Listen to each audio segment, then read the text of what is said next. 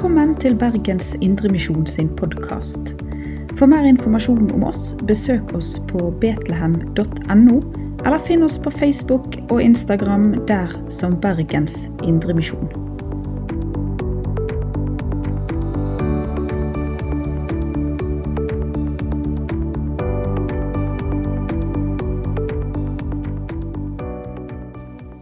God søndag, god morsdag.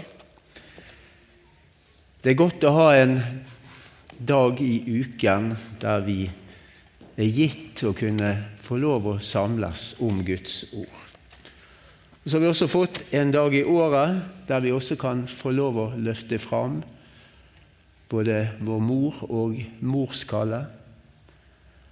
Og jeg tenker at disse to tingene hører nøye sammen. Guds ord og eh, vår mor, vår Herres mor, som fødte Jesus som en av oss inn i verden.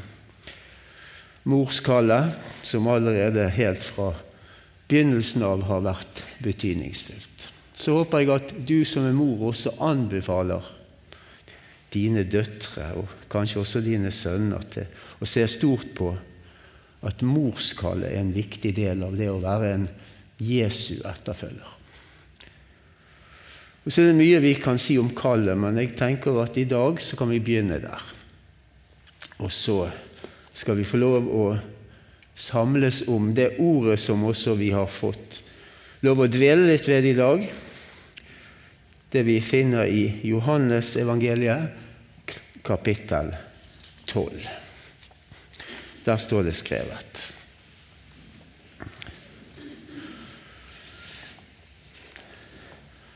Det var noen grekere blant dem som var kommet for å tilbe under høytiden. De gikk til Philip, som var fra Betzaida i Galilea, og sa, 'Herre, vi vil gjerne se Jesus.' Philip gikk og fortalte det til Andreas, og sammen gikk de og sa det til Jesus. Jesus svarte, 'Timen er kommet da Menneskesønnen skal bli herliggjort.' Sannelig, sannelig, jeg sier dere, hvis ikke hvetekornet faller i jorden og dør, blir det bare det ene kornet. Men hvis det dør, bærer det rik frukt. Den som elsker sitt liv, skal miste det, men den som hater sitt liv i denne verden, skal berge det og få evig liv. Den som vil tjene meg, må følge meg. Og der jeg er, skal også min tjener være.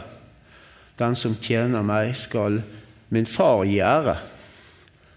Nå er min sjel fylt av angst, men skal jeg så si, Far, frels meg fra denne timen? Nei, til denne timen skulle jeg komme. Far, la ditt navn bli herliggjort. Da lød det en røst fra himmelen. Jeg har herliggjort det og skal herliggjøre det igjen. Mengden som sto omkring og hørte dette, sa at det hadde tordnet. Andre sa det var en engel som talte til ham. Da sa Jesus, denne røsten lød ikke for min skyld, men for deres. Nå felles dommen over denne verden. Nå skal denne verdens fyrste kastes ut. Og når jeg blir løftet opp fra jorden, skal jeg dra alle til meg. Dette sa han for å gi til kjenne hva slags død han skulle lide. Slik lyder Herrens ord. La oss be, Hellige, gode Gud og Far, hellig oss i sannheten. Ditt ord er sannhet. Amen.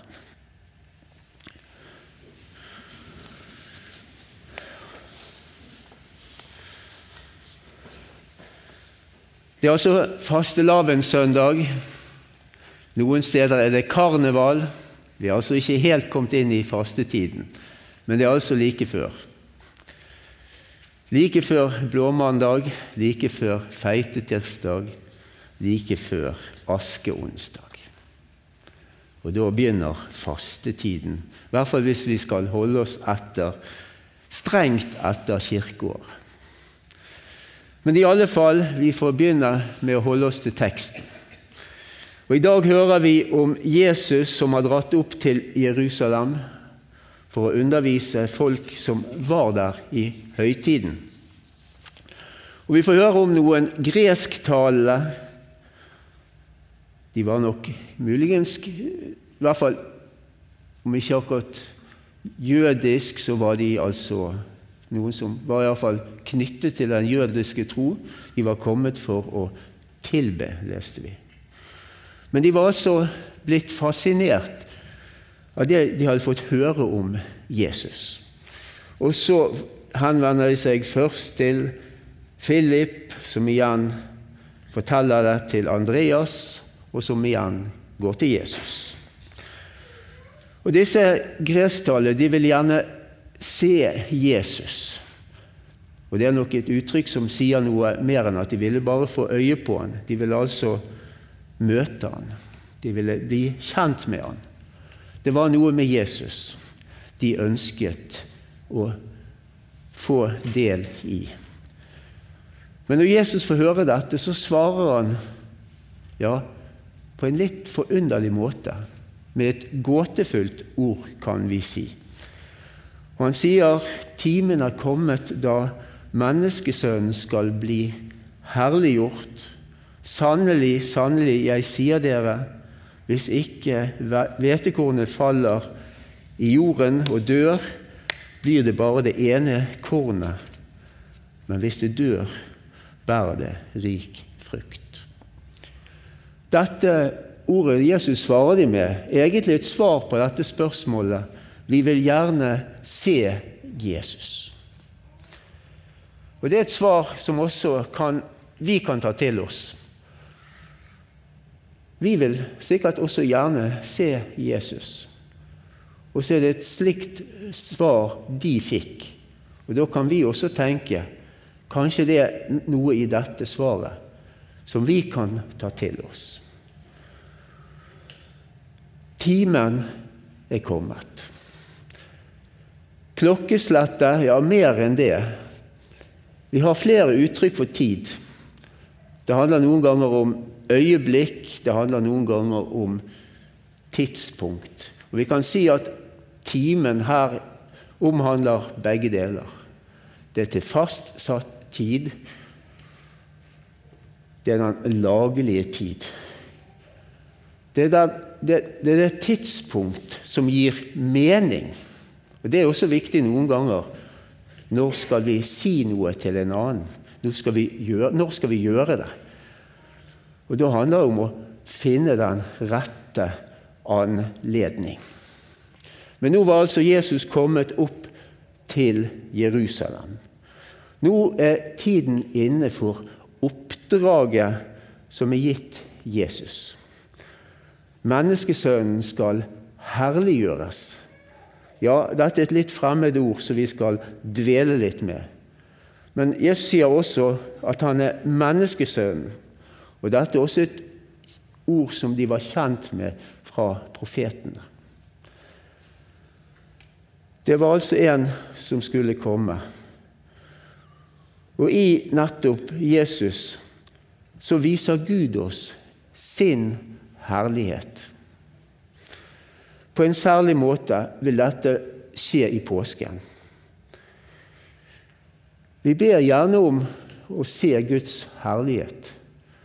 Men Gud viser på en særlig måte sin herlighet denne påsken i Jesus Kristus.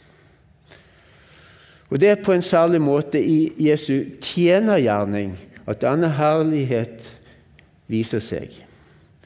I menneskesønnens lidelse ser vi at Guds herlighet er ikke bare en opphøyd, distansert herlighet. Nei, Guds herlighet åpenbarer seg for oss i Jesu Kristi person og væremåte, og i de gjerninger som til fastsatt tid skal føre Han til en opphøyelse på et kors. I dag sammenligner Jesus seg med et hvetekorn som må i jorden for å dø, for å kunne gi mangfoldig grøde. En kornbonde forstår jo tegningen. Så kornet må ofres. Man må altså gi for å få. Det er noe som må ofres for å gi liv.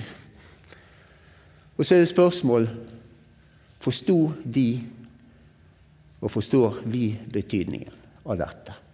Vi vet at Peter var treig med å forstå at Jesus måtte nettopp dette han hadde for, satt framfor seg og også undervist sine disipler om. Og vi kan spørre forstår vi virkelig betydningen av dette Jesus gjør. I alle fall forsto Jesus at det var viktig. Det var helt nødvendig. Av og til, også i vår tid, merker vi at folk stiller spørsmål med var det virkelig nødvendig.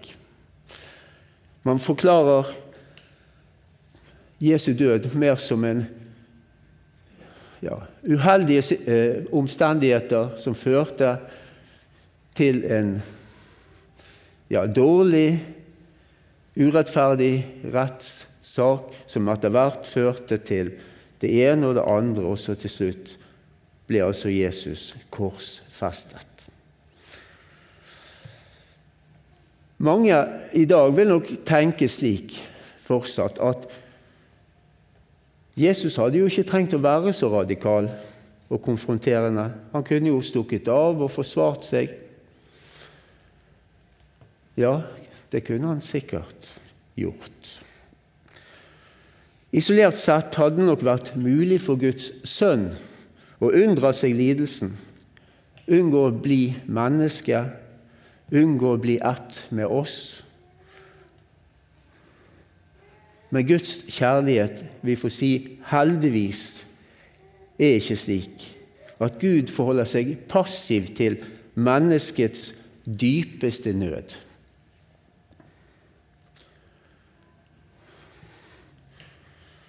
Så kunne egentlig Jesus gjort noe annerledes. Han sier det er nødvendig å dra opp til Jerusalem. Og han visste hva som ventet han der. Og vi må også med Guds ord som bakteppe svare bestemt nei. Jesus kunne og burde overhodet ikke gjort noe annerledes korsfestelsens hendelse med all smerte og lidelse, ja, det er det Jesu liv peker fram imot. Hele tiden, men på en særlig måte. Helt fra den tid da han hadde tatt til seg noen, og hadde altså vist seg som den herliggjorte, der han ble forklaret. Men heldigvis, får vi si, denne smerte og grusomhet som rammer Jesus på korset, den har en høyere hensikt. På korset erfarer Jesus Guds vrede ja, og soner alle menneskers synd og skyld. Han er altså stedfortreder. Han er en soning for våre synder. Ja, ikke bare våre, men for hele verdens, leser vi i det første Johannes brev, kapittel 2. En soning. Ja, hva er det? Det er mer enn det at en går i fangenskap en tid. Det er en, noe som medfører mer enn dette.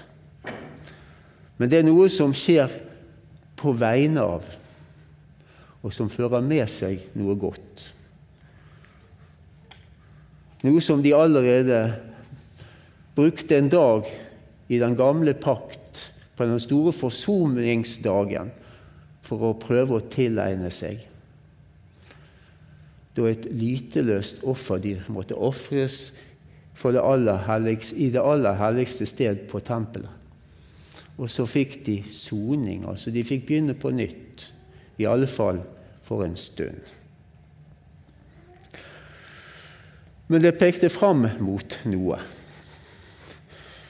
Det pekte fram mot det som skulle skje, han som skulle komme. Han som skulle åpenbare Guds herlighet for oss, der på korset. For denne guddommelige herlighet som ble åpenbart for Peter, Jakob og Johannes, der Jesus blir forklaret på fjellet, ja, den pekte fram mot påsken i Jerusalem. Og Det er altså en herlighet som er skjult bak en lidende tjeners herlighet. Jesus var kommet for åpenbare Guds herlighet. Skjult bak en lidende tjeners Ja, vi kunne sagt manglende herlighet men det er altså Guds herlighet.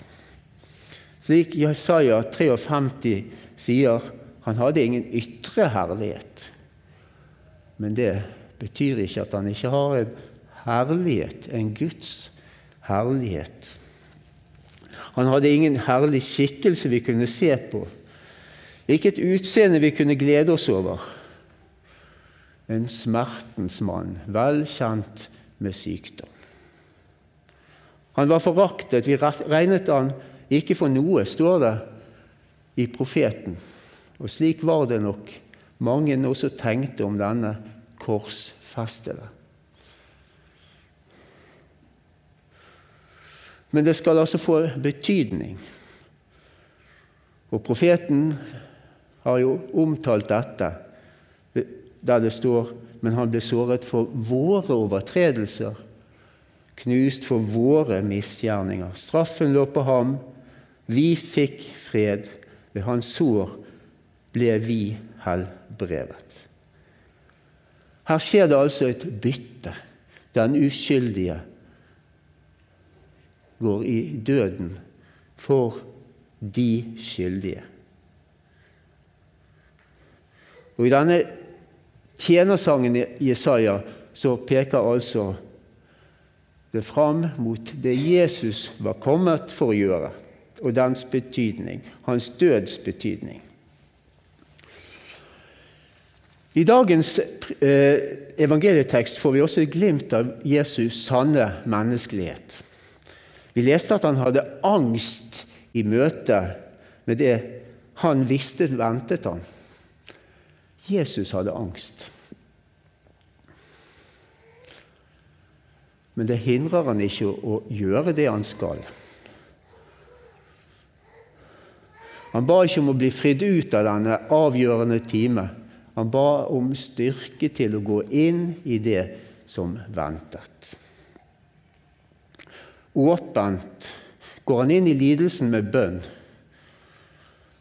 Tjenersinne, selvoppofrende tjeneste, båret av lydighet og i bønn. Går Jesus videre på sin, vei fram mot Golgata kors. Her får vi også et innblikk i det inderlige bønnelivet Jesus levde i. Johannes gjengir Jesu bønn der Jesus sier, 'Far, la ditt navn bli herliggjort'. Det er altså Gud som blir herliggjort. Og bønnens svar det er en røst fra himmelen som taler og sier, 'Jeg har herliggjort det og skal herliggjøre det'.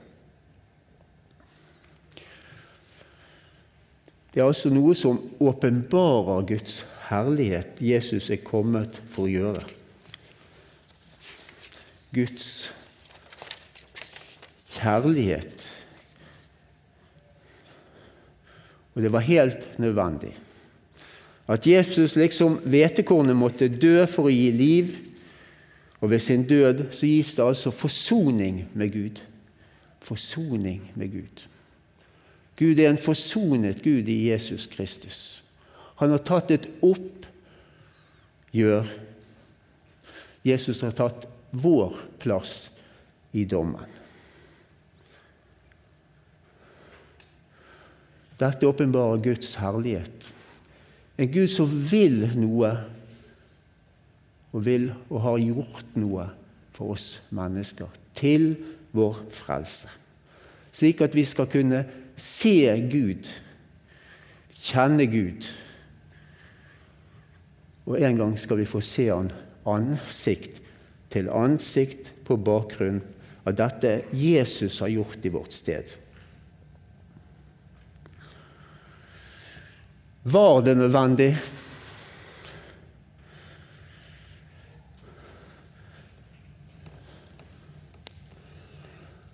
Jeg har allerede svart på det, men vil gjenta meg sjøl. Jesus' selvoppofrende tjenergjerning er helt avgjørende for oss hvis vi skal kunne leve i sannheten. Ellers så er ikke sannheten til å holde ut. For syndens lønn er døden. Og synden får konsekvenser for andre mennesker også, ikke bare vårt forhold til Gud. Sannheten er ikke til å leve med uten, uten denne forsoning som Gud gir. At det er, Gud, det er mulig å leve sant med Gud, selv om vi har synder som vi vet har fått konsekvenser for andre mennesker. Men det innebar altså et blodig offer der Jesus, Guds sønn, gikk i vårt sted og lot straffen ja, ramme han sjøl. Gud blir menneske for vår skyld.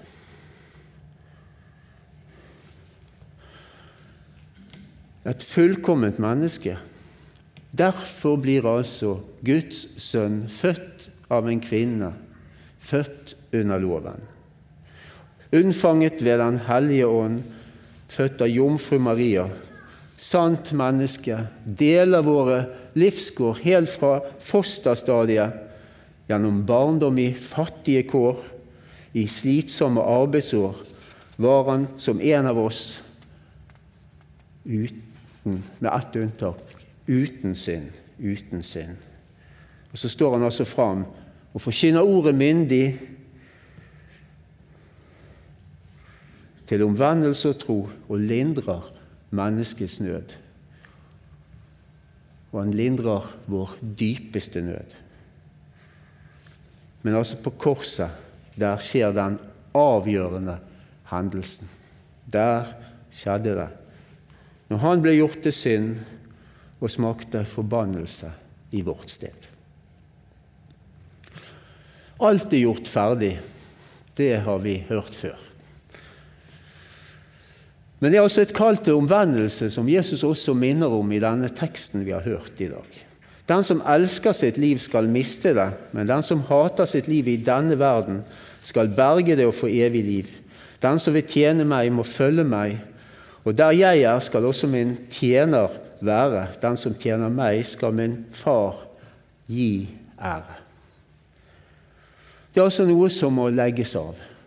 Vi har sagt det i forsakelsen, jeg forsaker djevel og alle hans gjerninger og alt hans vesen. Men hva er dette? Jo, det er synden som fortsatt preger oss. Vi må legge av. Det må avsløres. Likegyldighetsløvet må forsakes og avsløres. Selvopptatthet skal erstattes med kjærlighet til Jesus og kjærlighet til vår neste. Vi trenger Guds bud for at ikke det gamle mennesket skal ta plassen bort fra Jesus. At vi ikke forstår betydningen av Jesus. Til slutt ja, trenger vi å høre. Trenger vi det Jesus har gjort? Ja, vi trenger det. Vi trenger igjen og igjen å bli minnet om vår synd, som ikke er en bagatell, men som kostet Herren Jesus alt for å gi oss livet tilbake. Alle mennesker er ansvarlige overfor Gud. Ingen er unntatt. Og det gjelder å ha et fast og sikkert forsvar. Vi skal alle få Guds domstol. Og når Guds bud anklager og dømmer oss For det gjør de. Budene anklager alltid. Så er det et annet alternativ til å prøve å rettferdiggjøre sine urettferdige og syndige valg. For jeg tenker synden vil gjerne det. Prøve å bagatellisere. Og så er det et annet alternativ fra å flykte fra Gud. Det går jo ikke an, egentlig. Vi leser om salmisten som prøvde, men også der var Gud. Alternativet er igjen og igjen å få komme og bli værende hos Han som har sonet vår synd, ja, alle verdens synder. Jesus Kristus, den rettferdige. Og Det står skrevet i Salme 91.: Under hans vinger kan du finne ly. Hans trofasthet er skjold og vern. Å leve i Jesu rettferdighetskappe Leve under Guds velsignelse. Leve av og i Guds løfter gitt deg ved Jesus Kristus, den korsfestede og oppstandende. Ja, det er den faste og eneste tilflukt som vil berge oss i dommen, men som også åpner opp himmelriket for oss allerede her i livet.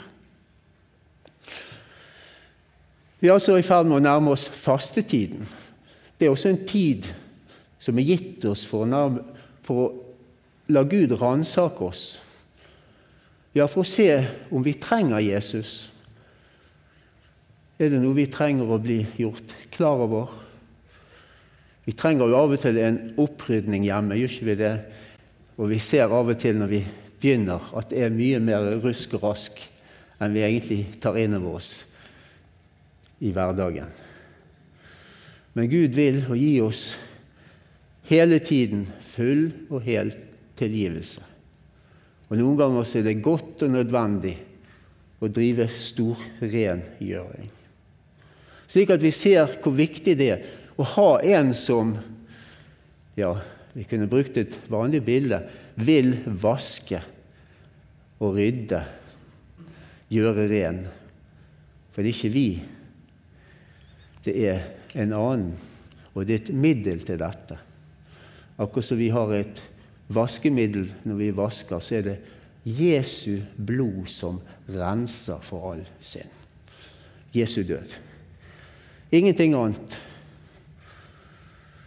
Vi trenger Jesus. Give me Jesus. Jesus bruker sterke ord om å hate sitt liv. Det illustrerer hvor dypt synden har preget oss mennesker. Og Det sier oss at selvforbedringens vei er umulig hvis vi skal vinne rettferdighet for Gud. Det er en annen vei som er til, som ikke bygger på oss, men som bygger på Jesus. Bare ved å dø bort fra alle forsøk på å rettferdiggjøre seg sjøl overfor Gud, ved egen kraft og makt kan Gud få være vårt ett og alt, troens opphavsmann og fullender. Gud gjør sin gjerning i oss ved ordet og evangeliets løfte, gitt oss utenfra, uforskyldt av bare nåde. Og vi trenger dette faste holdepunkt. Vi trenger å bli holdt fast i Jesus Kristus, gitt for oss. Vi trenger noe urokkelig å feste lit til. Noe som holder i liv, i død. I dommen. Vi trenger noe som er mer solid, fastere enn fjell. Vi trenger troen på Jesus. Og så er det slik Ingen kan komme til tro på Jesus uten at Faderen drar han. Så drar Gud på mennesker også i dag. slik han gjorde overfor disse gresktalene som gjerne ville se Jesus. Og så har vi et fast og sikkert ord som sier alle som tok imot ham, ga han retten til å bli Guds barn, de som tror på hans navn. Og de er ikke født ikke ved menneskers vilje, ikke ved kjøds vilje. Det er altså av Gud. Det er Gud gitt tro du har, du som har fått se Jesus og begynt å feste lit til Han som Guds ord taler om, døde for dine synder og oppsto til din rettferdighet. Allerede nå eier du løftet, at du er ren og rettferdig, himmelen verdig, i troen på Guds sønn alene. Allerede i dåpen rekkes du denne troen, og i nattværen i dag skal du få motta styrke til å bli holdt fast i en sann tro til det evige liv. Guds ord er tydelig. Her gis du frelse og fred allerede i dag, og det gjelder for evigheten. Til ære for Faderen og Sønnen og Den hellige ånd, som var og er og være skal en sann Gud fra evighet og til evighet. Amen. Du har lytta til Bergens Indremisjon sin podkast. For mer informasjon om oss, besøk oss på betlehem.no, eller finn oss på Facebook og Instagram der som Bergens Indremisjon.